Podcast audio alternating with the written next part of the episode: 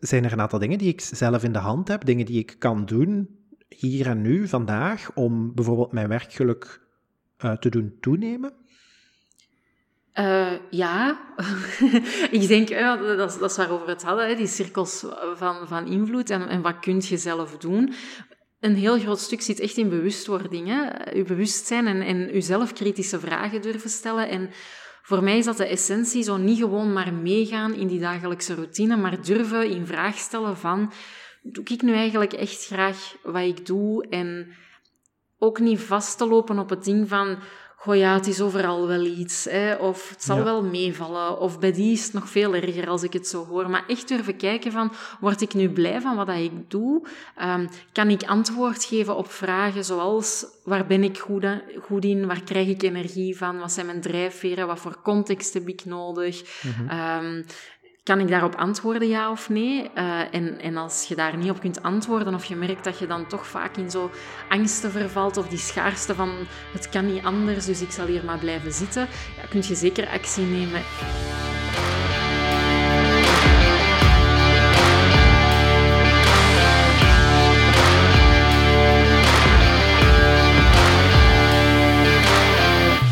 Welkom terug, lieve vrienden. Eind januari leek mij een uitstekend moment om werk te maken van aflevering 24. Ook vandaag gaat het zoals anders over mensen, nu alleen een beetje meer over Shana Cabus. Hoewel er hier en daar een aantal alternatieve vormen de kop opsteken, zijn we allemaal nog steeds 38 of zelfs 40 uur per week aan het werk. Een job is een heel belangrijk onderdeel in ons leven. Niet alleen naar inhoud of geld op onze bankrekening, maar ook naar zinvolle dagbesteding. We zitten of staan meer uren op de werkvloer dan dat we liggen in onze eigen zetel. Collega's zijn daarbij vaak de meest frequente sociale contacten die we hebben tijdens de week en onze werkplek is dan het meest frequent bezochte etablissement. Een plek die zoveel van onze tijd en aandacht vraagt, zorgt er ook voor dat we zaken als mindset, cultuur, algemene meningen gaan overnemen. Het beïnvloedt ons veel meer dan dat we zouden durven denken. Al die dingen samen doen mij beseffen dat we daar best bewuster mee mogen omgaan. De vraag of we gelukkig zijn wordt namelijk beantwoord door alle aspecten in ons leven samen te leggen, waaronder ook dit arbeidsintensieve onderdeel. Geluk en werk zijn dus heel sterk met elkaar verbonden. Ik maakte hiervoor de woon-werkverplaatsing naar Antwerpen en zette mij tegenover Shana. Zij is naast arbeidspsychologe ook loopbaancoach en beschikt over een hele rugzak aan ervaring in het werken met mensen die op hindernissen botsen op de werkvloer. Ze weet dus waarover ze spreekt en ze doet dat ook perfect. Rustig, to the point en met veel aandacht voor de elementen die ik zelf in de hand heb. Wat mij in haar visie vooral aanspreekt, is het feit dat ze vertrekt vanuit werkgeluk en niet vanuit werklast. Samen kijken naar de kansen en niet enkel naar de moeilijkheden. Een mindset die heel erg kan aantrekken, eentje die mij ook al heel veel geschonken heeft. Samen hebben we het ook over controle terugnemen over ons eigen traject. We hebben het dan concreet over werk, maar ik merk dat die dingen even goed in andere relaties kunnen toegepast worden. We kunnen op eigen kracht veel meer dan bedenken. Het is een kwestie van beseffen dat we niet geleefd moeten worden. Stand your ground, op de werkvloer en daarbuiten.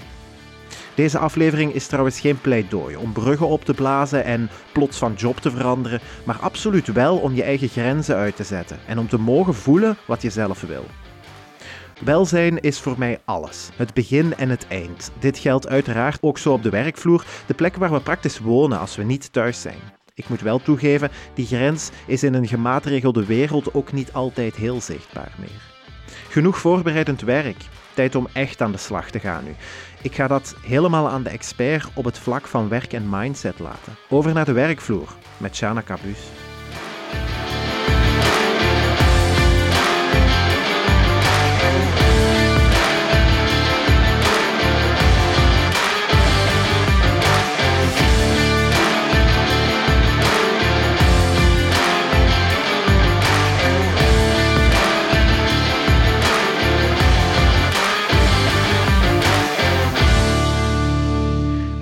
Heel goedemiddag, Shana, en welkom bij Over Mensen. Hallo, dankjewel.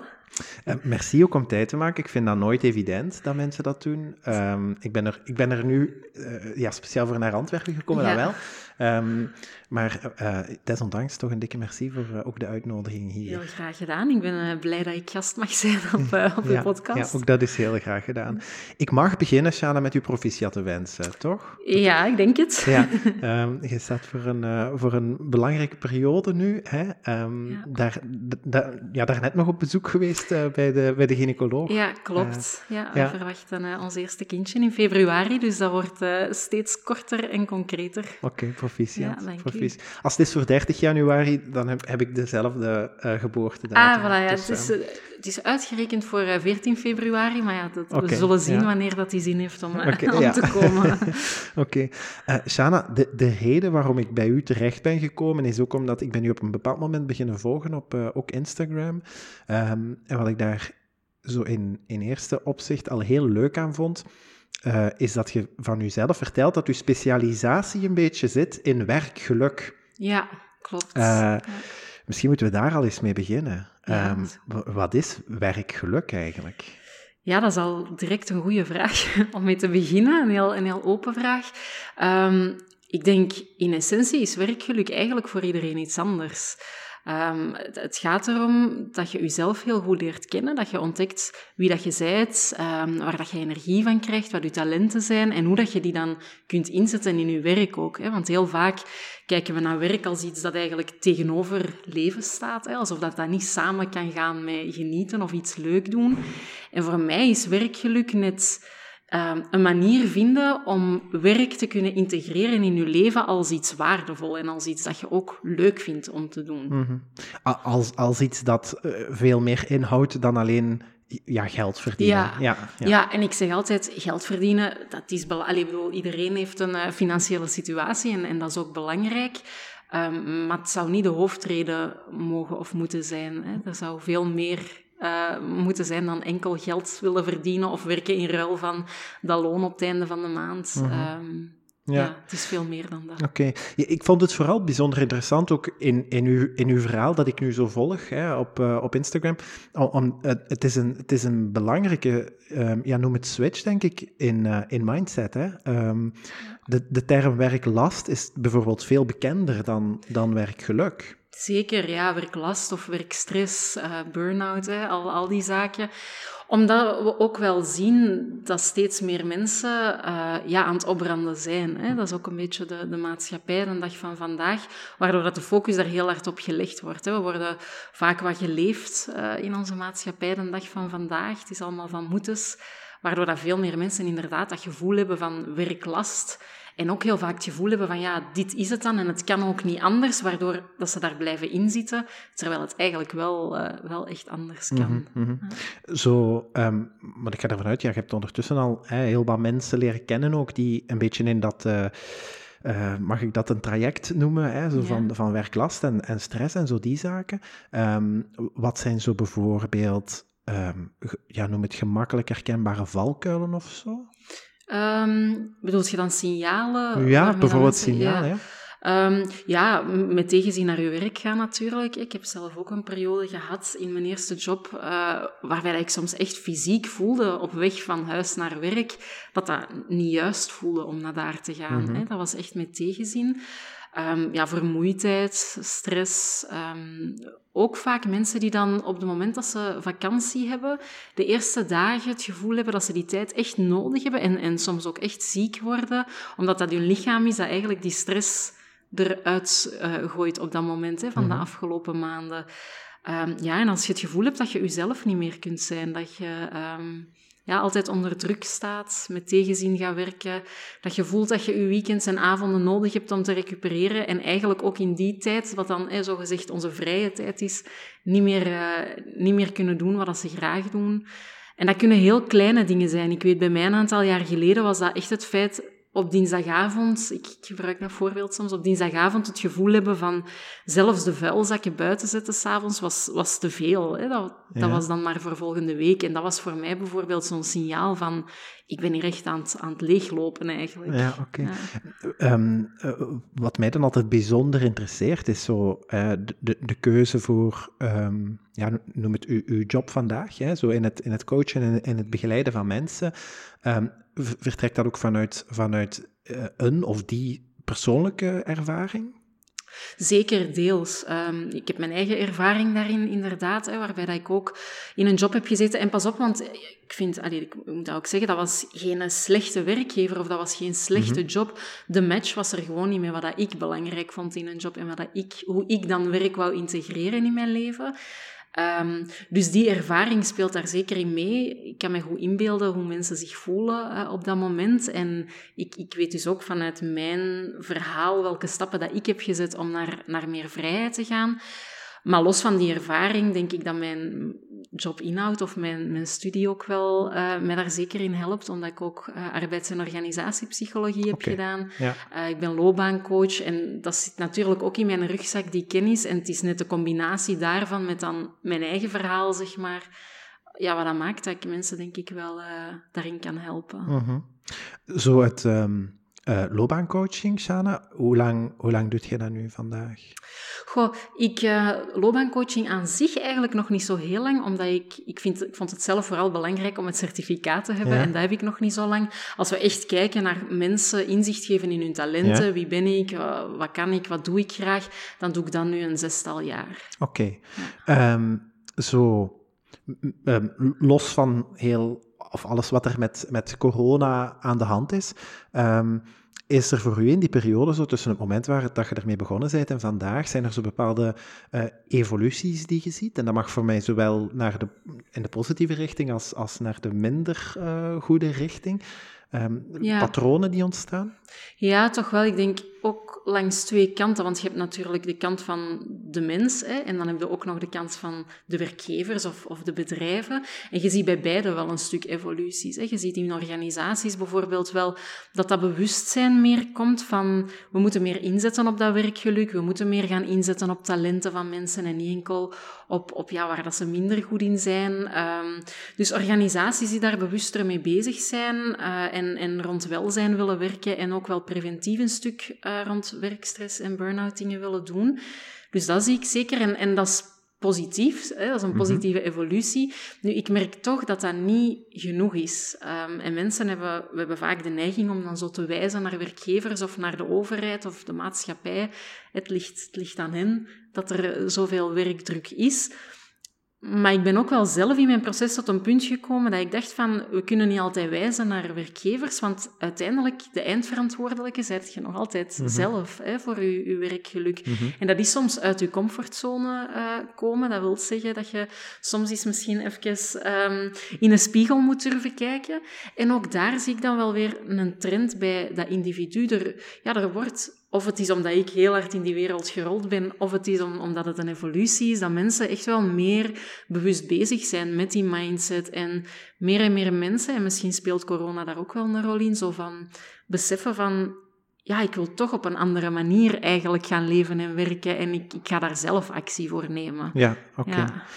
Ehm, want ik hoor u eigenlijk zeggen dat dat is, dat is een belangrijke voorwaarde of een belangrijke eerste stap. Toch ook een, een stuk in die spiegel durven kijken. Zo. Zeker, want als je dat niet doet, dan in mijn ogen kun je dan geen inzicht krijgen in net die vragen hè, die je moet kunnen beantwoorden van wie ben ik, waar krijg ik energie van, wat zijn mijn energievreters, in wat voor context kan ik mijn talenten optimaal gaan inzetten. Als je dat niet weet, ja, dan weet je ook niet hoe dat je je eigen werkgeluk kunt gaan invullen of in welke job dat je dan ehm, gelukkig zou worden. Ik heb soms mensen die dan bijvoorbeeld remote willen gaan werken en die dan denken van ja, dan zal ik maar webdeveloper worden, want dat kan ik doen van waar ik wil. En ik geloof niet dat dat een duurzame oplossing is, tenzij je de talenten ervoor hebt en daar energie van krijgt. Ehm, want je moet eerst in je spiegel kijken en weten wat je graag doet. Ja. Zijn er zo, ehm, want ik weet dat elke coach graag ehm, ja, vanuit, vanuit zijn eigen expertise of ervaring ook wel een beetje werkt. Zijn, zijn er zo bepaalde of specifieke methodieken die je daarvoor gebruikt bij de mensen die je begeleidt? Goh, ik heb zelf een achtergrond in eh, bijvoorbeeld assessment eh, methodieken. Ik heb lang, ik heb de eerste jaren van mijn, mijn loopbaan zelf gewerkt in eh, selectie.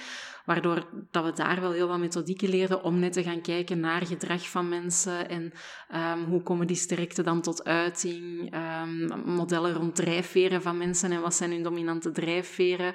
Er komt ook wel een stukje uh, ja, neurologische insteek soms bij kijken. Hè? Hoe werkt ons brein? Hoe werkt dat onder stress? Hoe werkt dat samen met onze drijfveren en zo verder? Dus dat zijn wel allemaal um, inzichten die ik, die ik meeneem, maar ik pin mij niet vast aan één model of zo. Dat, dat doe ik. Ja. Dus het, het is eigenlijk samen met mensen een beetje gaan verkennen uh, ja, hoe ze in elkaar steken en, en waar, hun, waar hun sterktes ook wel, uh, wel uh, wat, wat liggen. Ja. Oké. Okay. Um, zo, als we dan kijken naar, naar werkgeluk, want ik denk dat, um, ja, misschien, misschien gaan we daar ook een beetje te gemakkelijk overheen of zo, denk ik. Um, dat werkgeluk als term bestaat en dat het ook mag bestaan. Mm -hmm. um, ik, ik denk, en ik hoor in mijn omgeving ook zeker, dat er heel veel mensen zijn die gaan werken en zich daar weinig vragen bij stellen, maar dan wel die symptomen lijken te hebben die ik u daar straks hoor omschrijven. Mm -hmm. ja, is, zijn, zijn, er zo, zijn er zo bepaalde, um, ja, hoe moet ik het zeggen, zijn er, zijn er bepaalde elementen op de werkvloer of in de context waar dat ik werk, um, waar dat ik, uh, ja, noem het een stuk een, een, score kan plakken, hoe, hoe, hoe het dan zit met mijn werkgeluk? Goh, um, ja, allee, een, een scoren is misschien moeilijk. Er zijn wel een aantal vragen die je jezelf kunt stellen. Hè. Um, zoals dan, als je echt naar jezelf gaat kijken, van, uh, en, en dat doen we eigenlijk al heel weinig spontaan, van waar ben ik nu goed in, wat doe ik graag? Want op een bepaalde manier rollen we vaak ergens in. We gaan iets studeren, we maken een keuze op ons 18 en we rollen daar dan in. En we hebben dan het gevoel dat dat is wat we de rest van ons leven moeten doen, terwijl dat hoeft niet altijd zo te zijn. En ik denk dat dat het belangrijkste is om bij jezelf te erkennen van heb ik hier nu echt zo die een open mindset om te durven denken buiten de kaders die dat ik ken of, of zit ik daar wat in vast? Ja, enerzijds van ben ik mijn talenten aan het inzetten, uh, vind ik de job inhoud interessant, want dat is natuurlijk al een, een belangrijke eerste iets. Maar ook de sociale contacten op je werk kunnen doorwegen in als je een beoordeling wilt maken van je werkgeluk.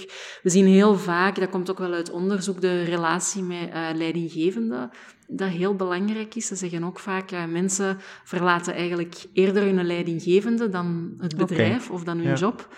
Uh, dus als daar geen goede match zit, wat zijn daar bijvoorbeeld zo push- en pull-factoren die, ja. die je wel ziet terugkomen? Dat is ook heel persoonlijk natuurlijk. Ja. Je moet vooral, ik, ik denk een stuk de waarden en normen zijn belangrijk. De oprechtheid die je voelt bij een leidinggevende. Um, en, en bij uitbreiding ook de cultuur van de organisatie.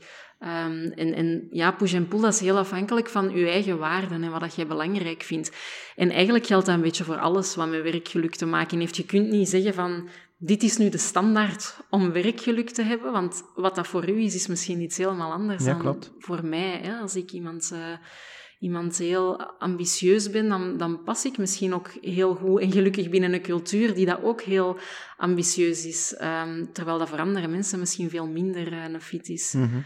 Ja, zo, want ik onderbrak u hè, eigenlijk, uh, want je werd zo de, de factoren aan het opsommen die inderdaad zo tot werkgeluk kunnen leiden, of net niet. Ja. Uh, um, ja, ik, ik, ik hoor u vooral ook vertellen dat um, heel veel elementen die te maken hebben met werkgeluk, want niemand staat denk ik alleen op de werkvloer, of toch weinig mensen, dat het, dat het vooral ook gaat over zo um, communicatie en in relatie met anderen. Zeker, ja, ja voilà. Dat is ook het, het wat ik bedoelde met, het gaat veel verder dan enkel die een job inhoudt. Um, mm -hmm. dat, is, dat is één puzzelstukje, zeg maar, van, van die puzzel.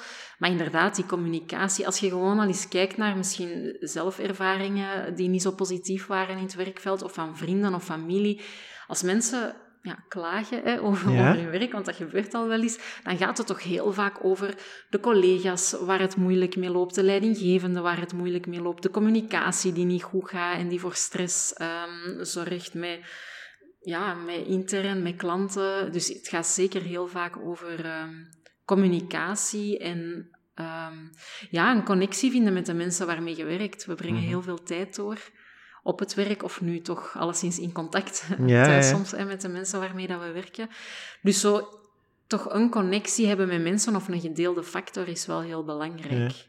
Ja, want ik denk dat allee, 38 à 40 uur per week is, is niet weinig. Ehm, en um, ik merk dat bij mezelf ook hoor, dat je daar misschien soms niet zo voldoende oog voor hebt. Ehm, van ja, wie, wie zijn die mensen en, en hoe, hoe redeneren die ook, die zo mhm. rondom mij staan. En dat is een van de belangrijkste relaties, denk ik, die mensen aangaan uh, in, in hun leven. En of dat het nu kortdurend is of, of, uh, of, op, of over de lange termijn. Um, maar ja, diversiteit is dan een troef. Um, maar het moet natuurlijk ook wel klikken ergens. Ja, het moet ergens klikken. Nu natuurlijk, eh, dat is altijd zo, dat is een realiteit. Met de ene persoon klikt het beter dan met de andere. Dat is op werkvlak niet anders. En soms heb je niet altijd keuze in de zin van ja, je moet met bepaalde mensen samenwerken. Dat is ook oké als het met sommige mensen, je moet ook niet met iedereen per se vrienden worden hè, op het werk, maar begrip voor elkaar. En dan kom ik eigenlijk ook terug tot dat punt van ook uzelf kennen. Um, want uzelf kennen, weten wat uw talenten zijn, waar je energie van krijgt, dat is één ding en dat is al, al super mooi als je dat hebt. Maar als je dan ook nog eens kunt begrijpen hoe bijvoorbeeld collega's waar je nou mee samenwerkt, wat hun drijfveren en talenten zijn, ja, dan, dan begrijpt je elkaar. Hè? En dan ga je al veel meer in connectie, ook al is het misschien niet iemand waarvan je zegt, daar zou ik nu ook een pint mee gaan pakken na het werk. Ja, ja, voilà. Um, een, een, van de dingen die ik ook een beetje nog terugkomen, zo uit uw verhaal, is um, wat ik altijd redelijk bewust probeer te ervaren. Um, en dat is zo ja, mijzelf net meer bewust proberen maken van mijn cirkel van invloed. Zo. Mhm. Ehm, of, of de mate waarin dat ik invloed heb op een bepaalde situatie. Er ligt heel veel frustratie vlak buiten mijn ehm, ja, level van, van um, ja, noem het betrokkenheid of invloed.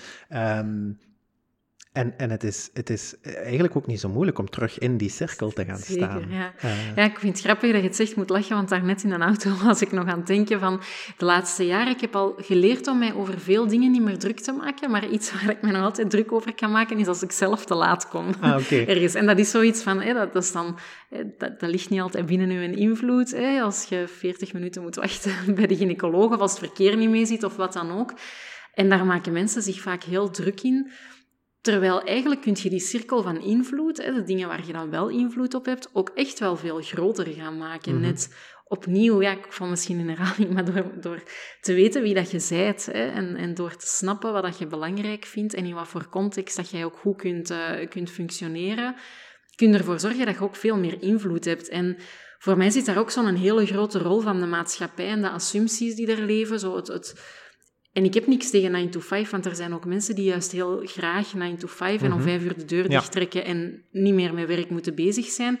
Maar het zijn wel assumpties dat het zo hoort. En het zijn assumpties dat we van maandag tot vrijdag moeten werken, twee dagen rust moeten nemen, twintig dagen in een jaar rust moeten nemen. Um, dat je pas recht hebt op genieten hè, als je je pensioen bereikt hebt, bij wijze van spreken. Dat zijn allemaal zo assumpties die daar heersen in onze maatschappij.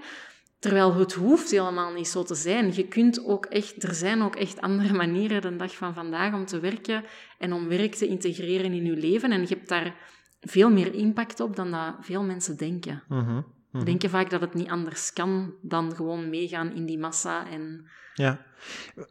Alleen vanuit mijn perspectief en vanuit mijn ervaring ook is het stukje uh, leren tot waar mijn invloed reikt. Uh, of waar ik, ja, controle vind ik altijd zo'n beetje een, een, dubbele term. Hè. Mm -hmm. maar zo de zaken waar ik controle over heb, uh, denk ik ook altijd, het is, het is één stapje terug om er dan twee vooruit te zetten. Uh, omdat ik merk hoe harder ik op een deur blijf beuken, uh, die gaat nooit open gaan. Dus mm -hmm. het is echt eerst zo even terug, ja, waar heb ik eigenlijk invloed op? En ja. zeker in een werksituatie, waar, enfin, je kiest bewust en de meeste mensen toch in alle vrijheid voor een bepaalde job, mm -hmm. maar mhm. de mensen waarmee dat je dan samenwerkt, is een soort van ja, ik maak er nu een karikatuur van, gewoon om, om dit verhaal te duiden. Het is een beetje een gedwongen relatie. Mhm. Ehm, we komen op een werkplek terecht, mensen die we niet allemaal uh, ja, één voor één hebben uitgekozen. Mhm. Dat is zo de, de ideale, het ideale team waarin dat ik zit. En um, iedereen is daar anders. Um, en ik, ik zie in mijn omgeving bijvoorbeeld ook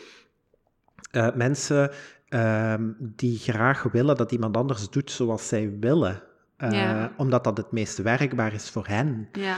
En dan kom je voor mij op een gevoelig thema, want dat gaat over zelfbeschikking ook voor een stuk. Hè. Um, om, ik, ben me heel goed, ik ben me er heel goed van bewust dat ik uh, in mijn poging mijzelf te willen zijn, mag ik nooit over de zelfbeschikingslijn mm van iemand anders gaan.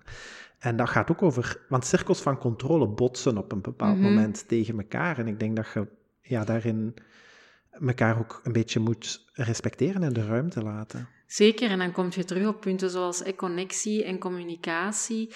Um, iets wat ook vaak aan bod komt als, als we het hebben over werkgeluk of als ik, ik, ik werk ook in de HR uh, als uh, zelfstandige. Um, een, een, punt dat ook heel vaak terugkomt is feedback geven. Mm -hmm. um, en dat is, veel mensen zien dat ook als zoiets iets negatief of ook een beetje zo noodzakelijk kwaad om, om feedback te moeten geven of we zijn daar bang van, terwijl eigenlijk is dat een cadeau dat je aan iemand geeft, feedback. En als je merkt dat dan met sommige mensen moeilijker gaat, of als je merkt dat die cirkels inderdaad gaan botsen, of dat je, dat je eigen autonomie in het gedrang komt door iemand anders of andersom, dan is het zo belangrijk om daar open over te communiceren en om, om feedback te geven aan mensen. En mhm. eigenlijk is feedback een vorm van, ja, dat is echt een mindset switch eigenlijk, dat je dat dan als iets positiefs ziet, van je geeft de anderen eigenlijk de kans om ja, iets daarmee te doen of mhm. om, te groeien als persoon. Je geeft mhm. informatie waardoor dat hij zichzelf beter leert kennen. En eigenlijk zou iedereen dat als een cadeau moeten zien. Ja, ja. Maar ik, ik, denk dat het ook, um, om, het, om het gewoon even vanuit een ander perspectief te zien, ik denk dat feedback geven aan iemand ook voor uzelf een cadeau kan zijn, omdat het mhm. dan uh, frustratie is die een plek kan krijgen. Ja, um, het is letterlijk uit uw lijf. Ja. Um, en, en het ligt daar. Het is dan natuurlijk altijd een beetje aan de overkant om te zien wat die persoon daarmee doet, maar dan is het tenminste van u af. Ja. En het is gezegd zo. Um, misschien moet ik het inderdaad eens vragen aan de expert. Hè? Zo, heb jij uh, een aantal goede tips voor goede feedback op de werkvloer? Ja, belangrijkste is denk ik, als je dat spannend vindt om het, om het voor te bereiden, na te denken over de boodschap die je wilt brengen. We hebben heel vaak de neiging om zo, ofwel het helemaal, allez, wij dan zeker denk ik zelfs als Vlamingen, om het zo helemaal verbloemd te mhm. brengen, of om de boodschap te brengen en ze dan direct te niet te doen door er iets heel lief uh, achter te zeggen. Dus wel goed voorbereiden van wat is eigenlijk de kern van de boodschap die ik wil meegeven. Um, ook vanuit ik uh, ik-boodschap spreken. Het komt veel aanvallender over als je tegen iemand zegt van, jij onderbreekt mij altijd. Uh, ja. Het komt helemaal anders over als je zegt van, ja, ik heb het gevoel hè, dat als ik aan het woord ben, dat je regelmatig hè, daartussen komt. En dat je ook zo concreet mogelijk bent in die feedback. Geef een aantal voorbeelden. Of bijvoorbeeld van, uh, ik heb gemerkt dat je de laatste twee weken toch al een aantal keer laat waart op, een, op onze meetings. Um, dat komt helemaal anders over dan tegen iemand zeggen van, ah, eh, zet jij nu weer, zet nu weer te laat? Jij, komt, jij komt altijd te laat, dat is altijd hetzelfde. Um, dat je veel meer praat vanuit je eigen beleving en ook vanuit wat dat doet met u. Dus dat je zegt van, ik heb gemerkt dat je al een aantal keer te laat bent gekomen op onze meeting. Ik voel mij daar zelf niet zo goed bij, want uh, ik heb het ook heel druk en ja, bij mij blijft mijn werk ook liggen. En dat geeft mij het gevoel dat je onze meetings niet zo belangrijk vindt. hè? Mhm, mhm. Hoe, hoe ziet je dat zelf? Ja. Dus dat is zo'n beetje de, de opbouw, hè, dat je ja, concreet benoemen wel. Als je concrete voorbeelden hebt, des te beter. Dat is mhm. altijd goed. Um, vraag aan het einde ook hoe die persoon dat zelf ziet en, en laat ook ruimte aan die persoon om daar reactie op te geven. En uh, ja, vanuit je eigen perceptie vooral praten. Okay. Want dan botst je op veel minder weerstand. Omdat ja. mensen kunnen niet met u in discussie gaan over uw eigen perceptie. En ja. als je zegt, ik heb het gevoel dat ja, dan kun je moeilijk in discussie gaan met mij natuurlijk. Ja, klopt. klopt. Ik, het zijn ook mooie tips, omdat um, het van bij aanvang uh, ook aangeeft dat we elkaar ergens in het middenveld ontmoeten. En ja. dat het niet zo het ene tegen het andere ja. is. Uh, dus ik denk ook, en dat is in elke discussie zo, als iedereen minstens voor 50% de brug oversteekt, ja, um, zeker. Da, da, daar ligt vaak ook wel de, misschien niet de oplossing, maar toch zeker het wederzijds begrip zo naar, naar elkaar toe. Um, zo voor iemand die dan waarschijnlijk ook vaak in contact komt met mensen die naar u komen en zeggen, ja, help, hè, ik voel mij niet goed op het werk, waar, waar dat bijvoorbeeld um, uh, ja, slecht ontvangen feedback wat aan de basis ligt, mm -hmm. um, gaan, gaan uh, mensen naar, naar u inzien um, over het algemeen, hè, uh, eerder op een positieve manier om met feedback? Of, of zit daar ook veel? Ik stel die vraag vooral omdat ik weet dat er mensen zijn die gewoon moeilijk feedback geven, omdat die zo al vooruit denken. Mhm. Als ik dit ga zeggen, gaat die daar waarschijnlijk. Ik geloof dat niet per se. Um, als, als het vanuit oprechtheid vertrekt. En, en vooral ook wat dat het met mij doet. Ja, en dat zijn ook weer die veronderstellingen natuurlijk. Hè? Dat je, dan, je gaat al zelf invullen wat dat de andere volgens u gaat zeggen en dan dat, dat beperkt u al. Um, wacht, hè, uw vraag was dan of mensen positief of negatief staan ten opzichte van feedback geven? Of? Uh, van, van, zo van het, uh, omdat ik mij kan inbeelden dat er mensen bij u ook terechtkomen die dan um, een beetje ja, zich, zich wat vastgereden hebben in, in hun job of in communicatie met collega's. En aan de basis lag zo'n moment van feedback, waar dat ze echt gedwongen worden om naar zichzelf te kijken. Um, ja, ja. Ja, zo. En, en um, ja, van, vanuit uw ervaring en alle mensen die je dan hebt leren kennen in, in, in uw verhaal en in uw job. Um, ja, wat gebeurt er dan eigenlijk met die feedback? Ja, veel mensen vinden het ook moeilijk om feedback te ontvangen mm -hmm. ook, hè, want het, het, voelt toch, het, het kan snel aanvoelen als kritiek. Het hangt natuurlijk ook weer van onze persoonlijkheid af. Sommige mensen gaan dingen veel sneller persoonlijk opnemen dan andere mensen. Dus iedereen gaat daar wel wat op een andere manier mee om. Ik denk wel dat meeste deel van de mensen op zich wel positiever mee omgaat, maar misschien zijn dat ook de mensen dat ik aantrek, dat weet ik natuurlijk niet. Um, nu, alleszins, het is wel ook uit onderzoek gebleken dat als mensen weten op voorhand zowel dat ze feedback gaan geven als dat ze gaan ontvangen, dan zijn er een aantal ook zelfs fysieke reacties die in gang uh, treden. Hè. Mensen hebben echt, um, ervaren echt stress op het moment dat ze op voorhand weten dat ze feedback moeten geven of ontvangen. Okay. Dus het blijft uh, iets ja, iets moeilijk voor mensen. Um, er was een onderzoek waarbij dan mensen de boodschap kregen of, of de opdracht kregen dat ze met elkaar moesten gaan onderhandelen. Dat was een experiment en uh, de mensen die gewoon de instructie kregen van je gaat met iemand vreemd rond de tafel zitten en je gaat onderhandelen, dat was oké. Die mensen hadden niet per se verhoogde stress. Maar tegen een ander deel van de uh, mensen in het experiment hadden ze gezegd van je gaat onderhandelen en na die onderhandeling gaat je feedback geven aan de andere over hoe dat, dat is gegaan. En dan hadden mensen ineens stress, uh, stressreacties. Ah, ja, okay. Dus um, in die zin is het voor veel mensen denk ik nog altijd wel moeilijk om het echt als iets positiefs te zien.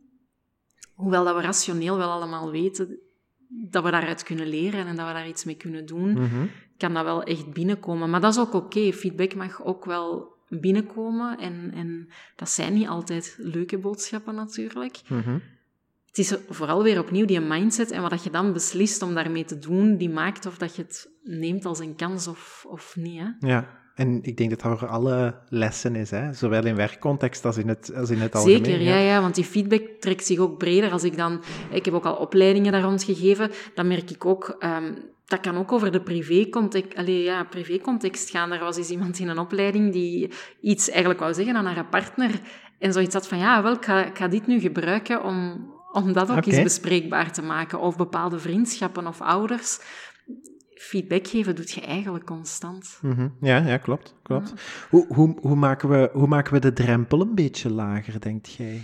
Als het gaat over feedback geven dan? Ja, uh, om hem te geven, mindset echt, ja. Ik, ik denk, u er echt bewust van zijn dat je anderen eigenlijk iets positiefs geeft. Dat je, um, we zijn vaak zo bang om onder andere de relatie te schaden. We zijn bang hè, dat we dingen gaan opblazen. Uh, we zijn inderdaad al aan het invullen op voorhand hoe dat iemand gaat reageren. En, en door te proberen dat niet in te vullen voor iemand anders, maar echt te blijven bij wat is nu de kern van de boodschap die ik wil brengen. -hmm. En hoe de andere daarop reageert, ja, dat is uiteindelijk ook niet uw verantwoordelijkheid. Hè? Dat is de mhm. verantwoordelijkheid van die andere persoon. En eigenlijk geeft je een cadeau, want door feedback te geven, geeft je de andere wat meer zelfinzicht mm -hmm. en de kans om, om te groeien. Laat ik het zo zeggen, door het niet te zeggen, als je het voor jezelf gaat houden, ontneemt je eigenlijk een stuk de andere persoon de kans om Klopt. te groeien. Klopt. Maar stel, en ik kan mij voorstellen dat dat veel vaker gebeurt... Um ik, ik wou zeggen dan dat we zelf denken, maar dat denkt waarschijnlijk ook niemand. Um, stel dat die andere persoon, dus jij komt met je goed bedoelde feedback en dat heeft bijzonder veel moed gevraagd om, om je hebt het mooi voorbereid en, en, het, en het is een beetje angstig allemaal. En ehm, je brengt je boodschap en die andere kant reageert daar echt niet positief op. Bijvoorbeeld ofwel heel boos of heel defensief. Mm ontkent misschien mhm. zelfs hè, de, de feedback die gegeven wordt. Ehm, ja, hoe ga ik daar dan eigenlijk mee om? Ja, ja we zien vaak, er is een, een patroon hè, in mensen die niet positief reageren op feedback, ziet je dat die door een bepaalde curve gaan die je kunt vergelijken, maar dan wat minder intens, hè, met een, eh, een, een soort van rouwcurve. Waarbij dat inderdaad, je hebt net een aantal van die woorden al genoemd, dat begint vaak met ontkenning. Um, of, of mensen die het gaan proberen ja, weg van tafel vegen. Hè. Um, wat dan kan gevolgd worden door wat frustratie inderdaad, of boosheid. En dat mensen dan zo in een diepje komen. En daarna vaak pas tot het punt komen dat ze dan ook willen gaan nadenken over hoe kan het dan anders. Als je feedback geeft, is het belangrijk om ruimte te geven voor die reactie en om ook, om ook te weten dat dat niet altijd um, te maken heeft met hoe je de boodschap hebt gebracht het kan ook een gevoelige boodschap zijn, dus het is ook oké dat iemand daar gevoelig op reageert. En het is heel belangrijk dat je de ruimte ook geeft aan die persoon om even te ventileren, bijvoorbeeld. Mhm. Of even te denken van, of te, te zeggen wat, hoe die zich daarbij voelt. Wat ook belangrijk is, is als iemand echt nog in de ontkenning zit of echt in, in die frustratie zit, hoeft je nog niet te veel info te geven over hoe het anders kan. Want dat is één oor in, ander oor uit. Dan. Daar zijn mensen niet mee bezig. Ja. En dat ziet je vaak op de werkvloer dan wel. Je hebt dan zo een uur evaluatiegesprek of zo. Dus ja, ze willen dat er dan doorkrijgen. Dus dan gaan we ineens praten over de toekomst. Terwijl, ja. hoe gaan we dingen anders doen? Terwijl mensen ook volop bezig zijn met die feedback te verwerken. Als je merkt dat mensen echt in dat stuk van die curve blijven zitten van ontkenning en, en frustratie, dan blijf je eigenlijk als feedbackgever gewoon informeren. Dan blijf je de boodschap op een andere manier brengen, daarover praten, laten ventileren. Het is pas als je merkt dat iemand het heeft aanvaard, dat je samen kunt gaan nadenken van oké, hoe kunnen we het dan misschien anders doen in de mhm. toekomst? Of hoe kunnen we elkaar vinden of uh, okay, ja. middenweg vinden? Ik, vind, ik vind het opvallend, omdat ik heb, ik heb een stukje voorgeschiedenis in, in het ziekenhuis. Ik ben opgeleid als maatschappelijk werker. En ehm, ook daar is uh, alles wat crisishulpverlening is, bijvoorbeeld op een spoedgevallendienst of een intensieve afdeling. Ehm, daar werken dezelfde principes. Hè. Ehm, als mensen Um, ja, dat is een, dat is een uitvergroot uh, versie daarvan. Hè. Mensen hebben een, een shockervaring. Ja, ja. Um, ja, dan helpt het niet om, om met oplossingen te beginnen gooien, omdat er gewoon niks blijft plakken. Nee. Uh, en dan is het gewoon het platform bieden. Ja. Um, wat het best, voor, en dan dat durf ik heel eerlijk toegeven, ehm, in mijn rol als hulpverlener, um, is dat ook een heel onzeker gegeven. Um, omdat een platform bieden en niet naar oplossingen gaan, maar gewoon iemand inderdaad de ruimte geven om te praten en tegelijkertijd de informatie die tot bij die persoon moet komen gewoon te blijven geven. Mm ja, voelt een beetje onwennig. Ja, hè? Zeker. om, om, en dan merk ik, het, en dat ligt puur bij mezelf, we zijn heel erg geneigd om naar oplossingen te gaan, direct. Naar oplossingen en om zo stiltes in te vullen. Wij zijn ook bang om soms even een stilte te laten. En in coaching is dat bijvoorbeeld heel belangrijk, maar ook als je feedback geeft, en dat is zeker bijvoorbeeld als leidinggevende, maar ook algemeen als je feedback geeft van het is oké dat er even een stilte is. Iemand krijgt een boodschap en die moet ook even binnenkomen. Maar als feedbackgever hebben we dan de neiging van oei, die zegt niks, ik moet dat hier zelf gaan opvullen. Hè? Ik moet zelf... En dan gaan we vaak zoiets zeggen van, maar het is toch niet zo erg of zo. Hè? dus we gaan dat dan... We gaan eigenlijk ons standpunt al zelf terug ontkrachten door het nadien Ja, het is zo de, de, de, de, de gênante stilte. Want ik weet, als, in de opleiding eh, oefenden wij daar ook echt heel plastisch op. Hè? Dus door, in oefensituaties moesten wij ook echt tien seconden zwijgen. Dan ging het wel over verhalen die we... Allez, over echte verhalen die we zelf hadden meegemaakt in ons, in, in ons eigen voorgeschiedenis Ehm, en dat duurt wel even voordat dat went. En het is ook iets dat ik nu bijvoorbeeld in een werkcontext constant, uh, constant zie terugkomen. Um, leidinggevenden die feedback geven, maar dan eigenlijk vanuit uh, dat is ook een beetje angst en onzekerheid. Hè? Um, blijven babbelen. Mm -hmm. uh, en, en eigenlijk ook geen kans laten uh, aan die. Ja. Maar zichzelf ook een beetje proberen verantwoorden, motiveren ja. waarom dat die beslissing zo gevallen is. En, ja. um, of, of waarom dat die tot dit punt van feedback komt. Um, dus misschien, daar zit ook wel een hele goede, een hele goede tip in. Laat inderdaad de ruimte gewoon ook eens stil zijn. Zeker, en dat iedereen naar zijn eigen stem kan luisteren. Ja, uh, heel stilte eventjes. vinden we heel ongemakkelijk. Hè? Ja, ja, stilte is inderdaad heel, heel ongemakkelijk. Um, als ik voor mezelf een beetje nadenk, Shana, over, als het gaat over werkgeluk, wat ik bijvoorbeeld heel belangrijk vind in mijn werkgeluk, is vertrouwen voelen. Mm. ik, ik weet niet of dat, een, uh, of dat een, inderdaad een goed uh, onderdeel is uh, om zo werkgeluk te gaan bepalen. Ik denk het zeker. Ik denk dat dat voor heel veel mensen geldt hè, en belangrijk is. En, en hoe je dat dan juist noemt. Hè. Is dat vertrouwen? Is dat oprechtheid? Hè? Voelen dat de andere authentiek is? Of, of toch zo authentiek mogelijk? Want je kunt altijd de vraag stellen van hoe 100% echt jezelf zijt je bijvoorbeeld in een werkcontext. Maar het gevoel hebben dat iemand anders wel oprecht is en, en, geen verborgen agenda heeft, is voor heel veel mensen, denk ik, net zoals de autonomie heel belangrijk is, ook heel uh, belangrijk. Ja, klopt. Een van de basiswaarden voor veel mensen. Klopt. Hoe, hoe belangrijk is, um, vanuit uw ervaring ook in de begeleidingen die je doet, hoe belangrijk is geld eigenlijk? Als in het loon dat je krijgt? Ja, bijvoorbeeld. Um, loon kan motiverend zijn, maar vaak op korte termijn. Um, je ziet als mensen bijvoorbeeld ook gepaaid worden of zo met een opslag. Hè, soms gebeurt dat van we voelen dat iemand niet meer gelukkig is, we gaan een opslag geven, dan blijven ze nog. Dat werkt, maar niet, niet lang. Dat werkt voor even. Dat kan even misschien een boost geven. Maar als je in essentie iets aan het doen bent dat je niet graag doet, dan gaat geld u op de lange termijn niet motiveren te weinig geld kan wel demotiveren. Hè? Dus de, er is ook zo'n model dat zegt van het is niet per se dat alle factoren die motiverend zijn, dat als die niet aanwezig zijn, dat dat dan ook demotiverend is. Dat, dat hoeft niet per se zo te zijn. Maar geld is iets, als het er niet is of te weinig, ja, dan zorgt het voor stress. Hè?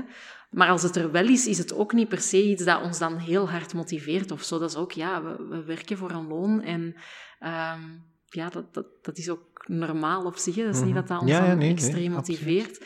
En er is ook wel een, een, verschil in generaties op dat vlak. Dat je, we spreken ook zo van het psychologische contract tussen een werkgever en een werknemer. Je hebt uiteraard hè, je contract dat op papier staat met afspraken. Maar je hebt ook een soort van psychologisch contract. Dat staat niet op papier, maar dat, zo, dat zijn de veronderstellingen die dat wij hebben. En er wordt gesproken in psychologie van het oude en nieuwe psychologische contract, waarbij dat de oude nog veel meer focust op Um, ik werk voor u als werkgever. Ik zet mij in van nu tot aan het einde van mijn loopbaan, liefst hè, 40 jaar aan een stuk. En in ruil daarvoor krijg ik mijn loon. Hè, dat is hoe dat er vroeger gekeken werd. Nu wordt er veel meer gekeken naar dat psychologisch contract als ik zet mijn, mijn kennis in voor u als werkgever. Je mag beroep doen op mijn expertise. Um, en in ruil krijg ik kansen om te groeien. In ruil uh, krijg ik een boeiende job. Um, en loon is natuurlijk nog altijd belangrijk, maar we vinden veel meer belangrijk dan vroeger puur waar dat eigenlijk loyaliteit stond ten opzichte van betaald worden. Mhm. Eh, we mhm. vinden nu veel meer belangrijk en we blijven ook niet meer, alleen meestal toch niet 40 jaar uh, in dezelfde organisatie. Dus zo die zekerheid en ook wel die financiële zekerheid, dat was vroeger nog veel belangrijker dan dat mensen dat nu vinden. Ja, mensen durven daar sneller afstand van, van nemen. Ja, ja en we, en we zitten ook helemaal niet meer in de tijd waar mensen nu in de allee, effectief een contract tekenen voor 40 jaar. Mensen durven veel gemakkelijker over de haar kijken. Zo, hè? Veel sneller gaan kijken naar dingen die ja, dichter liggen bij wie dat we zijn dan, of waar dat we meer energie van krijgen of meer van kunnen leren, als dat is hè, wat je belangrijk vindt. Ehm, je kunt het ook andersom zien, hè, zo een beetje het omdenken van... Ehm, hoe belangrijk is loon? Dat, is, dat is belangrijk. En soms voelt het misschien als je een job gaat doen die minder betaalt, dat je zoiets hebt van, ja, ik zet een stap terug. Ik vraag dan ook ik vraag vaak aan mensen, wat zet je bereid om te betalen voor een job waar je gelukkig van wordt? Want dat, allee, dat, is er op een andere manier naar kijken, maar misschien zet je wel bereid om wat geld in te boeten als dat betekent dat je die 40 uur in de week ja, klopt. Wat dan misschien ook weer een assumptie is dat dat dan 40 uur in een week moeten zijn, maar hè, wat vaak nog wel zo is, die 40 uur in een week kunt doen op een manier dat je daar gelukkig van wordt. Mhm. Ja.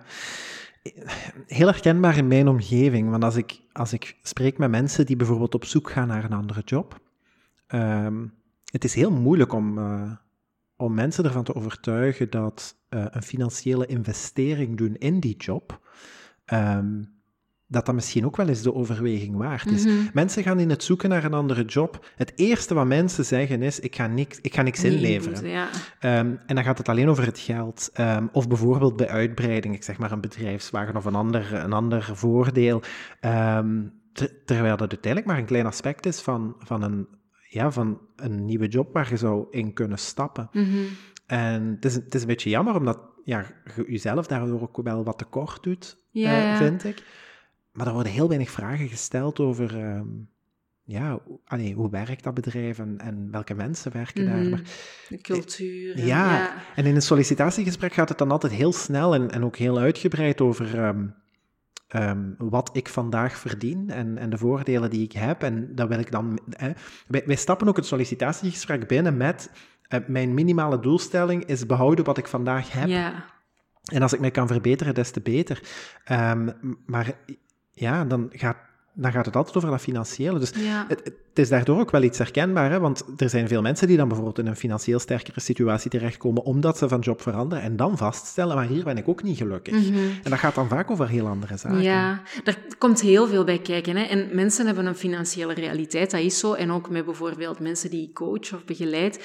Ik kan mensen hun financiële realiteit niet veranderen. Je hebt, je hebt bepaalde kosten, mensen hebben een lening, moeten huur betalen. Dat is, hè, dat is belangrijk. Nu, daar komt ook een heel stuk money mindset dan weer bij kijken. En, en het feit dat we vaak opgevoed worden in termen van schaarste. Hè. We denken dat er tekort is, of, Ja. of we denken dat we niet genoeg gaan hebben.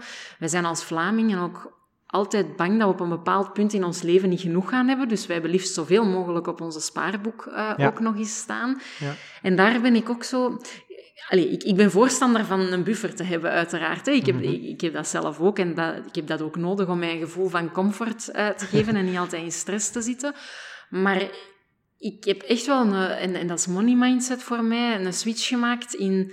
Ik hoef echt niet, als ik op pensioen ga, weet ik wat, tientallen duizenden euro's op mijn rekening te bestaan. Want het is toch nu dat je ervan moet genieten. En zoveel mensen kijken dan uit naar als ze kunnen stoppen met werken of dat pensioen, dan kunnen ze van hun geld, waar ze hard voor gewerkt hebben, gaan genieten. En dan denk ik, ja, uw meest actieve levensjaren zijn op dat moment eigenlijk voorbij. Mhm. Ehm, ofwel gaat het u vervelen misschien, ofwel gaat het toch nog iets zoeken om op pensioen uw tijd nuttig in te vullen met iets dat je graag doet, ja, dan kun je er maar beter 30 jaar eerder naar gaan zoeken naar wat dat dan dat ding is dat je, Ja, dat je graag doet. Ehm, Klopt. Ik ben nu even uw vraag. Ja, het ging over die, die money mindset en, en heel het, het financiële luik. Dus ja, daar komt veel money mindset bij kijken, bij het feit dat we eh, opgevoed worden in schaarste en dat we eigenlijk veel meer zouden mogen denken vanuit er is genoeg voor iedereen. Ja, hè? klopt. Ehm, wij zijn heel snel bang als we van job gaan veranderen. We geven dan een stukje zekerheid op dat we dingen gaan verliezen. Terwijl ook dat echt niet altijd het, eh, het geval hoeft Nee, te zijn. nee. En inderdaad, mensen die dan zich laten drijven door dat stukje geld en financiële zekerheid, hoe vaak dat ik in, in organisaties heb gezien dat mensen doorgroeien naar een leidinggevende functie, omdat dat precies dan de way to go is en ook leidinggevende functies vaak beter verloond worden. Terwijl dat je dan merkt, die mensen branden gewoon binnen de twee jaar op, omdat dat helemaal niet mensen zijn die graag leiding geven. Dat zijn dan vaak zo de beste experten die doorgroeien naar een functie van leidinggevende. Ja, en dan eigenlijk niet meer op de juiste stoel Die zitten niet meer op de juiste plek en die branden op. Maar ja, oei, als ze dan terug naar een expertenrol zouden gaan, dan gaan ze financieel, Ja. voelt dat vaak, een stap terug doen. Mhm. Dus ja, die, die zitten dan zo in een tweestrijd. Mhm. hè. Dat, is dan toch, dat vraagt dan toch ook wel weer mindsetwerk van wat vind ik nu echt Ja, klopt. belangrijk. klopt. Ik, ik denk, allee, en dat is ook een, een tip misschien die ik, die ik zo wil meegeven aan mensen die luisteren. Ik heb de laatste tijd zo, je vindt heel gemakkelijk dingen terug op het internet als het gaat over zo'n abundance Mhm. mindset. Eh, veel meer over hè, dan, dan geld alleen. Ehm, maar dat er inderdaad, gewoon het idee dat er inderdaad genoeg is voor iedereen. Ja. Ehm, daar zijn heel veel dingen over terug te vinden op het internet. En eh, daar zitten ook heel veel praktische tips bij om jezelf dat eigenlijk een beetje aan te leren. Is ook een hele goede remedie tegen angst en onzekerheid en, en ehm, ja, het gevoel van verlamming zo. Ja, Ehm, maar dan om even terug te komen op, want dat is ook iets dat ik heel gemakkelijk zie gebeuren binnen bedrijven. Ehm, bedrijven denken heel vaak in een groeitraject van een werknemer aan, aan promotie, als in Mhm. verticale promotie. Ehm, maar dat is niet altijd de, de, de- dat lijkt de logische stap, maar dat is niet altijd de juiste stap. En dan volg ik u helemaal. Soms zijn mensen zo sterk in hun job en dan een, een, bedrijf slaagt dan een beetje in paniek, want ze willen natuurlijk die goede werknemer niet verliezen. Mhm. Dan is promotie het enige uh, groeipakket dat ze kunnen aanbieden bijna. Uh, en dan, dan merken we eigenlijk dat die persoon niet meer op de juiste stoel zit. En eigenlijk ook een, een ja, noem het een minder goede pion is voor het bedrijf. Om, omdat het geen thuismatch meer is. En omdat hij inderdaad niet die juiste kwaliteiten heeft die ik verwacht in voor iemand in, in die positie. Um, bedrijven oefenen daar heel veel mee. En ik merk ook wel dat, dat um, we hebben daar al heel veel stappen in afgelegd. En, en, en bedrijven worden daar ook altijd beter in. Uh, maar het is, het is altijd een beetje zoeken zo, hè, naar... Ja, wat is groeien eigenlijk, behalve verticale promotie? Ja, er zijn ook andere manieren om mensen uitdaging te geven, want daar gaat het dan vaak om. Hè, van, je wilt mensen nog variatie geven, je wilt ze uitdaging geven. Maar sommige mensen gaan ook juist graag net in de diepte gaan verder gaan en willen net echt expert worden in wat ze doen. En voor hen is dat groeien, hè? expert worden in wat je doet. Maar inderdaad, en dat is ook een stukje maatschappij, denk ik. Hè? Dat, dat wordt wel zo gezien als je bent succesvoller als je verticaal hè, hoger in de organisatie bent geraakt, of als je een leidinggevende functie hebt uh, kunnen, kunnen bekleden, dan, dan zij de ja, dan zijn ze beter bezig of zo. dus uh, dat, dat, is, een stuk ego speelt in heel veel dingen die met werkgeluk te maken hebben ook mee natuurlijk. Ja, ik, ik kan altijd zo op, en dat bedoel ik in de meest positieve zin van, van de betekenis, maar ik kan altijd ook wel een beetje jaloers zijn op mensen die zo heel sterk zijn en wat ze doet, heel erg in de diepte mhm. ehm, hun zaak beheersen. Zo. Want um, ik, ik, zie altijd een soort verschil in mensen. Mensen die hun job kennen of mensen die hun job beheersen. Daar zit voor mij een belangrijk verschil in. Mhm. En ik ben daar jaloers op, omdat ik, omdat ik weet dat ik daar zelf niet goed in ben. Ehm, ik ben iemand die graag zo heel veel dingen tegelijk oppervlakkig doet. Ik ben meer vluchtig. Um, ik bedenk ook graag zaken, maar ik laat ze dan ook even graag weer los. Als, als ze bestaan. Um, en ik, ik merk ook dat in, allez, nu even over mijn eigen carrière mhm. te hebben, ik, ik ben nu aan mijn, uh, wacht hè, dat ik niet lieg, in mijn derde werkgever toe denk ik, dat zijn er niet zo heel veel. Ik heb elf jaar in het ziekenhuis gewerkt en daar mocht ik ook heel veel verschillende dingen doen. Mm um, en, en ja, projecten vonden hun weg zo'n beetje naar mij. En um, ik merk dat dat voor een werkgever niet altijd gemakkelijk is, omdat ik mhm. kreeg heel vaak de stempel, um, Sandro weet niet goed wat hij wil. Ja, ja. Ja, dat is ehm, ja. herkenbaar, maar dat is... Beiden hebben hun talenten. Je hebt inderdaad mensen die meer richting zo een expertenrol willen gaan. En je hebt mensen die liever meer richting de generalistenrol willen gaan. Hè, die graag heel veel verschillende dingen willen doen. En beiden hebben hun talenten en, en sterktes en ook hun valkuilen. Hè, zoals elk talent eigenlijk ook een valkuil kan zijn als je erin doorschiet. Um, maar, maar dat is al superbelangrijk om te weten. Hè. De dingen die je nu vertelt, dat zijn al stukjes zelfinzicht die je eigenlijk hebt. Hè? Want je zegt van ja, ik, ik ben iemand die graag uh, verschillende dingen doet en oppikt en, en niet per se dan in de diepte, maar eerder in de breedte gaat. Dat zijn bijvoorbeeld zo'n dingen die, die ik dan bedoel als ik zeg van dat zelfinzicht is zo belangrijk. Want dan weet je ook veel beter van wat voor soort functies gaan bij mij passen. Mhm. En het is wel vaak dat mensen die, die meer zo richting dat generalistische gaan, die daar meer energie van krijgen, dat die soms ook wel zo heel overweldigd zijn en het gevoel hebben van heb ik eigenlijk wel een passie. Hè? Want eh, ik vind eigenlijk alles interessant en dat is heel leuk. Ja. Want vaak zijn dat ook mensen die heel leergierig zijn en heel veel nieuwe dingen willen doen. Maar dat kan soms ook heel frustrerend zijn, want je hebt zo het gevoel van, ja, weet ik het nu eigenlijk wel? En er is zo'n term, en, en toen ik die vond, vond allee, voor mij deed dat zo wat puzzelstukjes vallen van zo multi-passionate zijn. Ja. Ehm, dat dat ook helemaal oké is. Mensen die meerdere passies hebben en meerdere interesses hebben. En dat is dan soms een uitdaging om focus te vinden. Um, maar als je daar dan ook weer manieren voor vindt, hè, om dan wel op, op bepaalde dingen te gaan focussen, is dat juist ook echt wel een sterkte, dat je juist zo'n brede mm interesse hebt. Ja, het is, het is, eh, want ik moest lachen omdat het heel herkenbaar is. En, en ik denk dat het, dat maakt het voor mij bijvoorbeeld ook wel een beetje moeilijker om zo mijn plek te vinden. Mhm. Eh, omdat ik, het voelt inderdaad, zoals je het zelf omschrijft, het voelt je soms een beetje vreemd. Mhm. Omdat de, de meest um, verstaanbare manier hoe ik het kan uitleggen is uh, eigenlijk moet je mij vijf jobs geven en ik moet die dan zo um, naar eigen aanvoelen. Zet ik het een wat luider en het andere wat stiller, zoals, een, zoals een mengpaneel. Dat is de meest visuele manier hoe dat ik het kan uitleggen.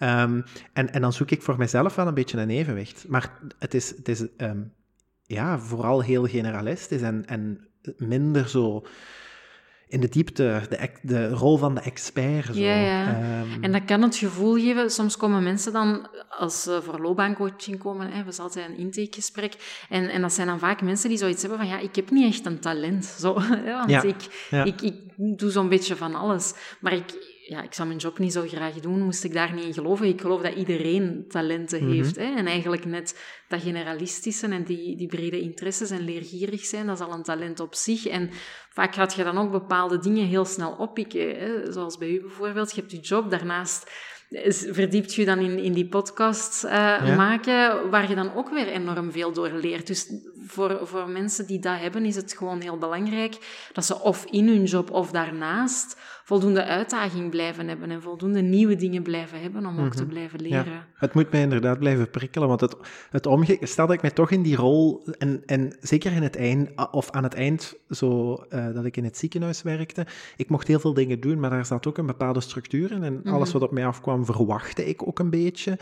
Um, en dan voel ik dat het gaat, de, passie verdwijnt heel snel. Uh, Omdat het, um, ik kan niet meer leren en groeien. En um, wat ik ook al eens tegen een werkgever gezegd heb, is: groeien is voor mij niet promotie maken. Um, ik, ik jaag geen bepaalde handtekening in mijn e-mail mm na. Daar gaat het voor mij helemaal niet over. Ook al, ook al hangt daar veel meer geld aan vast.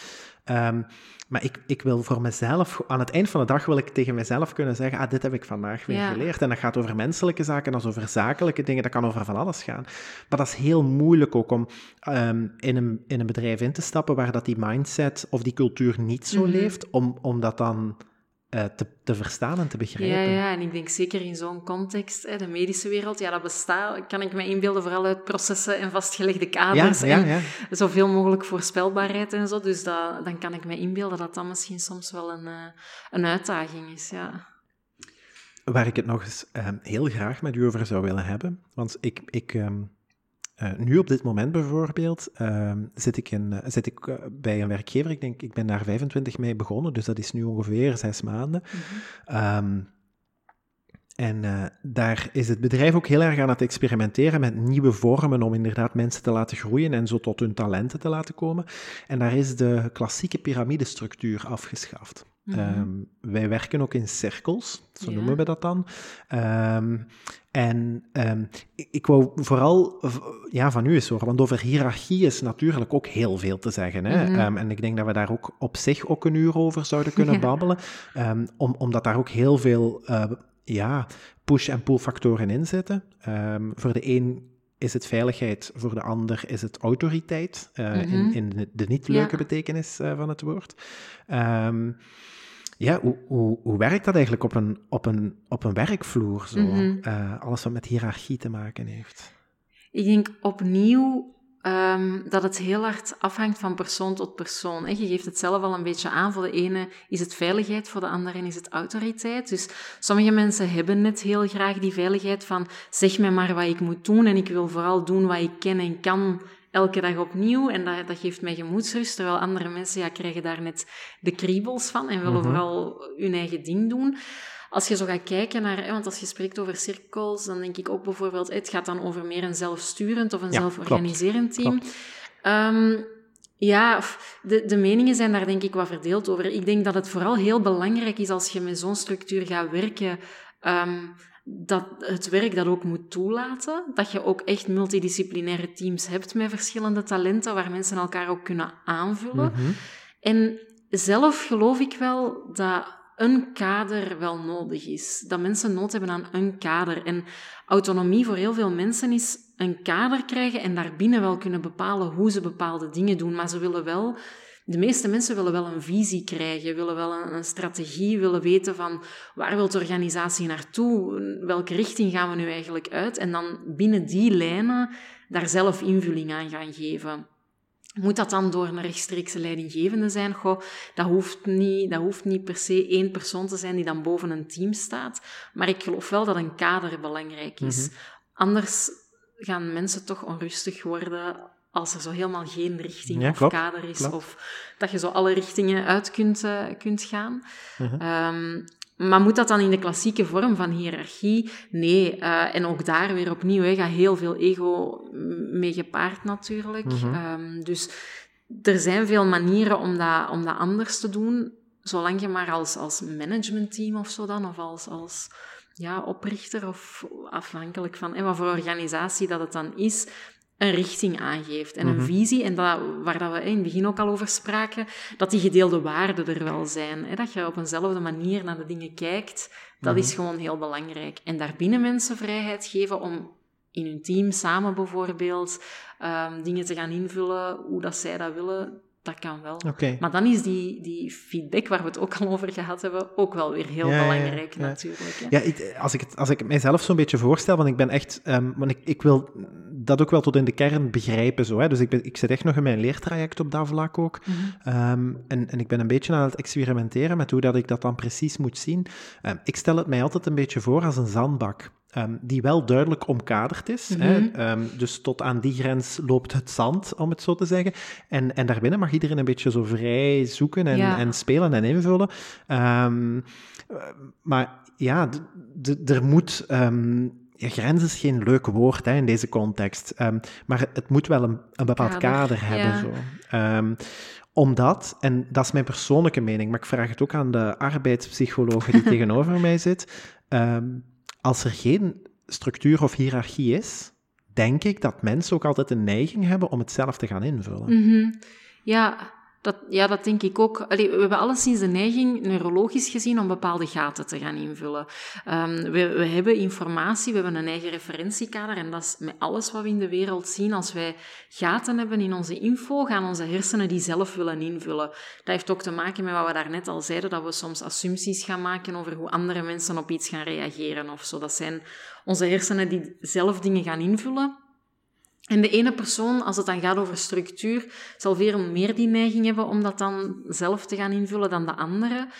Um, maar ja, ik ben ook wel overtuigd dat een stuk dat kader dat dat belangrijk is. En, en dat voorbeeld van een zandbak is op zich een, eh, een, een mooi voorbeeld daarin. Omdat mensen anders het noorden eh, kwijtraken mm en, en onrustig worden.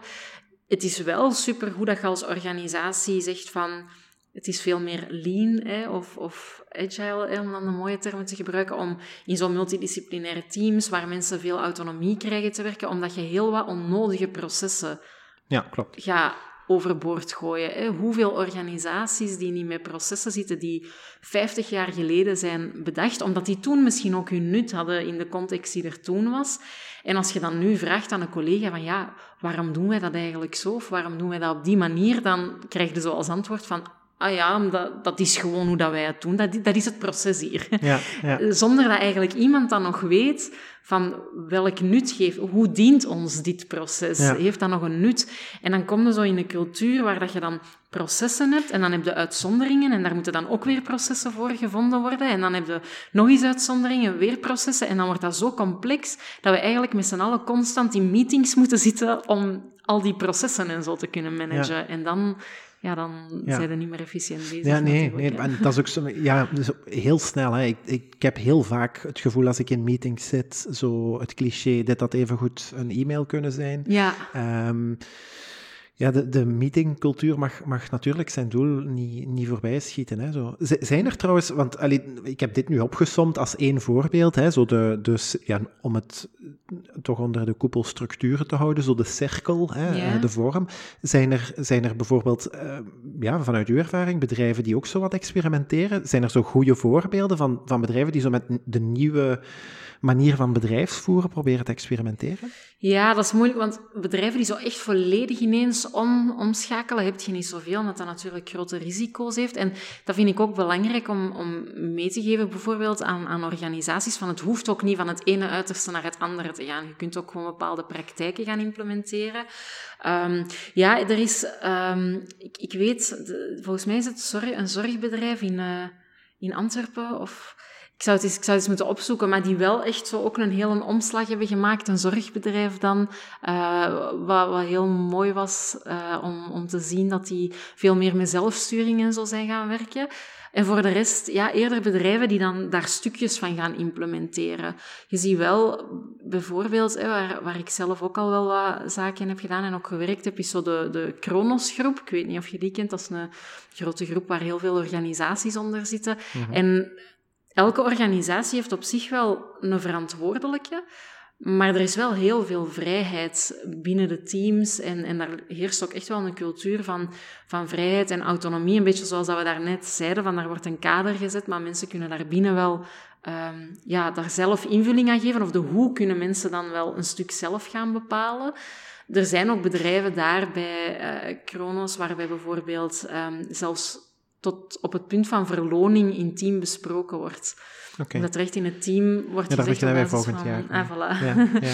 van een basis van feedback, van dat er eigenlijk ook een heel transparante cultuur rond verloning komt. Ja, oké. ja, ja ik, ik, allee, ik vind het allemaal super, super boeiend ook. Hè. En ik, ik ben ook heel geïnteresseerd wat dat er zo op mij afkomt op dat vlak. Want ik zit nu in die structuur.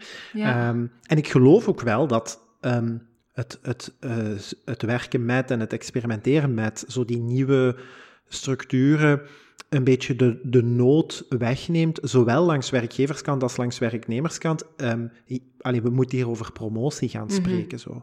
Um, ja, ja, ja. Om, omdat, ja, het legt de verantwoordelijkheid een beetje bij onszelf. En, en ik wil het nu absoluut niet afdoen als zo'n gemakkelijke, goedkope manier om mensen inderdaad wat af te leiden van het stuk promotie, maar echt als een, als een evolutie in de goede zin. Um, Tuurlijk, alles heeft zijn valkuilen en, en, en uitdagingen, maar ik denk ook absoluut dat daar meer mogelijkheden uh, zitten. Dus ook voor bedrijven in zo het zoeken naar, ja, ja wat, wat zijn andere groeipakketten die we binnen ons bedrijf kunnen installeren dan alleen die verticale promotie? Ja, en hoe zet je mensen net in op hun talent, zodat ze in een team ook net ja, complementair kunnen zijn aan elkaar? Mhm. Maar misschien, als ik dan een vraag mag stellen aan, uh, aan u, want je zegt dat je daar nog niet zo lang uh, werkt. Zijn er dan mensen die, daar, die die omschakeling echt hebben meegemaakt en komt er dan veel weerstand van, um, van mensen? Wel, ik, ik doe het, ik doe het voornamelijk met getuigenissen uit tweede hand dan zo, um, maar ik merk wel, er is een breuk geweest binnen het bedrijf, uh, want het is daar, het is, het is ik zeg niet van de ene dag op de andere, er zijn zo bepaalde... Um, ja, data waarop dan zo een, een bepaald nieuw, eh, zoals in januari bijvoorbeeld, worden onze salarissen transparant uh, voor, het, voor het hele team. En wordt dat inderdaad een onderdeel van de, van de teamwerking om daarmee aan de slag te gaan. Dus het gebeurt wel een beetje stap voor stap, maar mensen die dan bijvoorbeeld al 30 jaar in die structuur gewerkt hadden, waar dat, dat helemaal niet het geval was en waar dat alles wel sterk verticaal georganiseerd was, um, ja, dat is een heel onzekere, angstige periode. Mm en ik heb ook wel begrepen dat er veel mensen daarop de beslissing genomen hebben om, om toch iets anders te gaan doen. Die dan ehm, voelen van het matcht niet meer met wat ik dan nodig heb, hè, qua context. Ja. En ik denk ook wel dat dat een verantwoordelijkheid is van het bedrijf uh, om in uw uh, om, om die wetenschap, zogezegd, uh, mee te nemen in uw recruteringsproces. Ja, ook, zeker. Ja, om mensen aan te trekken die daar, die daar inderdaad wel iets voor voelen. Zeker, ehm, want als we praten over die match of die fit, dat is iets dat je eigenlijk al moet checken. Alleen bij reorganisatie gaat dat natuurlijk niet, maar dat je eigenlijk moet checken bij, bij je recrutering in de eerste plaats van de, welke mensen trekt je aan en dan ook in je selectie van welke mensen gaat je mhm. uiteindelijk ook effectief ja, aannemen. Hè. Past dat binnen die, binnen die cultuur? Cultuur. Mm Het toont nog eens hoe persoonlijk dat het allemaal is. ja, ehm, klopt. En, en dat is met veel van die topics, ook over werkgeluk gaat het dan vaak ook over um, zo work-life uh, balans. En, en een term aan zich is soms al wat gevoelig, maar ook daar is het je merkt dat mensen vaak zoiets hebben van ja, die balans verandert en je moet autonomie krijgen en, en dat is belangrijk voor die een balans en je moet ook tijdens het werk soms iets anders kunnen doen. Voor sommige mensen werkt dat nog steeds helemaal niet. Ook dat is weer zo persoonlijk van sommige mensen willen echt van 9 tot 5 en dan de deur dicht trekken en anderen willen als ze om twee uur naar de winkel willen gaan, naar de winkel kunnen gaan en om zeven uur s'avonds hun laptop terug open doen. Mhm. Dus het is zo belangrijk als organisatie en als, als persoon, als je gaat solliciteren, om te zien van wat is die cultuur en is er een fit? Mm het is helemaal oké als iemand zegt van ja, ik wil van 9 tot 5 en daarna ook niet meer uh, met werk geconfronteerd worden of, of op welke manier dan ook. Dat is helemaal oké, maar dan moet je natuurlijk een werkgever hebben die daar op dezelfde manier uh, naar kijkt. Mm Ja, klopt. klopt. Ja. Nee, ik, ik, was nu een beetje aan het denken, zo, want als je dan kijkt inderdaad zo naar, naar um, werkgeluk, um, want ook ja, dingen als bedrijfsstructuur en zo, dat past daar ook allemaal, uh, ook allemaal wat onder. Hè. Zijn er eigenlijk, um, om zo, ja, noem het wat praktisch, uh, richting het einde te, te gaan, um, zijn er een aantal dingen die ik zelf in de hand heb, dingen die ik kan doen hier en nu, vandaag, om bijvoorbeeld mijn werkgeluk uh, te doen toenemen? Uh, ja, ik denk, dat, dat is waarover we het hadden, hè, die cirkels van, van invloed en, en wat kun je zelf doen. Een heel groot stuk zit echt in bewustwording. Hè? Je bewustzijn en, en jezelf kritische vragen durven stellen. En voor mij is dat de essentie, zo niet gewoon maar meegaan in die dagelijkse routine, maar durven in vraag stellen van, doe ik nu eigenlijk echt graag wat ik doe? En ook niet vast te lopen op het ding van, goh ja, het is overal wel iets, hè, of het zal wel meevallen, of bij die is het nog veel erger als ik het zo hoor. Maar echt durven kijken van, word ik nu blij van wat ik doe? Um, kan ik antwoord geven op vragen zoals, waar ben ik goed, goed in, waar krijg ik energie van, wat zijn mijn drijfveren, wat voor context heb ik nodig? Mm um, kan ik daarop antwoorden, ja of nee? Uh, en, en als je daar niet op kunt antwoorden, of je merkt dat je dan toch vaak in zo angsten vervalt, of die schaarste van het kan niet anders, dus ik zal hier maar blijven zitten, ja, kun je zeker actie nemen. Hè? Je kunt uh, loopbaancoaching gaan volgen. En ja, jammer genoeg is dat enkel uh, voor mensen vanaf zeven jaar werkervaring, kan dat al vanaf 40 euro, want dan komt de overheid ja. daarin tussen. Ja. Um, dat is nog niet zo heel lang geleden aangepast. Ik vind dat zelf heel jammer dat mensen dan met minder dan zeven jaar daar geen recht op hebben. Want ik zie dan net heel vaak mensen in een eerste of tweede werkervaring net zo uh, met die confrontatie te maken krijgen van oei, is dit nu dan waarvoor ik zes jaar gestudeerd heb en wat ik dan tot mijn 65 wil gaan doen. En die overgang is ook heel brutaal, hè? van ja, onderwijs naar... Uh... Ja, voilà. En, en op een bepaald punt, na zo'n twee, drie jaar werkervaring, komt vaak dat besef van is het dit nu dan? hè? Mhm. Is dit dan wat ik wil blijven doen voor de rest van mijn leven? Maar ook dan, als je niet recht hebt op die loopbaancheck, zijn er mogelijkheden om, om ja, met mensen te, te praten daarover of een coach te zoeken die je daarin kan helpen. Mhm. ja. Het is vaak, ja, mensen blijven dan toch maar zo op hun plek zitten en zitten daar dan vijf of tien jaar later nog en beseffen dan ja, dat ze niet gelukkig zijn. En dat vind ik dan heel, heel ja, spijtig om te zien. Het, het ding is dat um, op uw plek blijven zitten en weten dat dat niet helemaal comfortabel is, is voor veel mensen nog veiliger dan het discomfort gaan opzoeken van, van uh, de sprong durven wagen. Ja, ja, en dat is ook psychologisch onderzocht. Hè. Mensen hebben nog liever negatieve zekerheid dan onzekerheid. Ja. En dat, dat is, ik weet niet of je dat bijvoorbeeld ook in, in uw context weet, maar in de medische wereld soms ook. Er zijn onderzoeken waaruit blijkt dat mensen nog liever op een bepaald moment een diagnose krijgen hè, van een ziekte, dat dat hen meer comfort geeft dan de onzekerheid of het niet weten. In werkloosheid is dat juist hetzelfde. Mensen weten liever dat ze hun job gaan verliezen dan in onzekerheid zitten. Ja. Dus als mens zoeken we altijd een stuk zekerheid op en dat is ook heel neurologisch. Dat, dat wordt ook wel zo het reptiele brein genoemd. Dat u wilt houden waar dat je zit. En vanaf dat jij denkt van, oh, nu ga ik er eens iets zot doen of ik, ik ga eens iets anders doen, dan zegt dat reptiele brein tegen u van Nee, nee. Blijven waar dat je zit en, uh, en waar dat je het kent. Dus dat is echt heel normaal, ook als mensen dat gevoel hebben. Oké, ja. Ik, ik, ga, ik ga afronden met een, uh, met een quote van mijn docent sociologie, die altijd vertelde... Uh, Sandro, met een zekere onzekerheid valt zeker te leven. dat is een heel mooie, ja. Dus iets waar, waar ik regelmatig nog aan denk, uh, op, um, op, op momenten dat ik dan met mijn rug tegen de muur sta. Ja. ja. Um, Shana, er rest mij alleen nog belangrijke dingen. Ik wil u heel erg bedanken voor het gesprek van vandaag. Graag gedaan. Um, ik heb zelf het idee dat ik heel veel heb, heel veel heb bijgeleerd. en, en ook een aantal dingen zo... je hebt een aantal dingen tastbaar gemaakt, zo vatbaar. ik zie ze ook voor mij.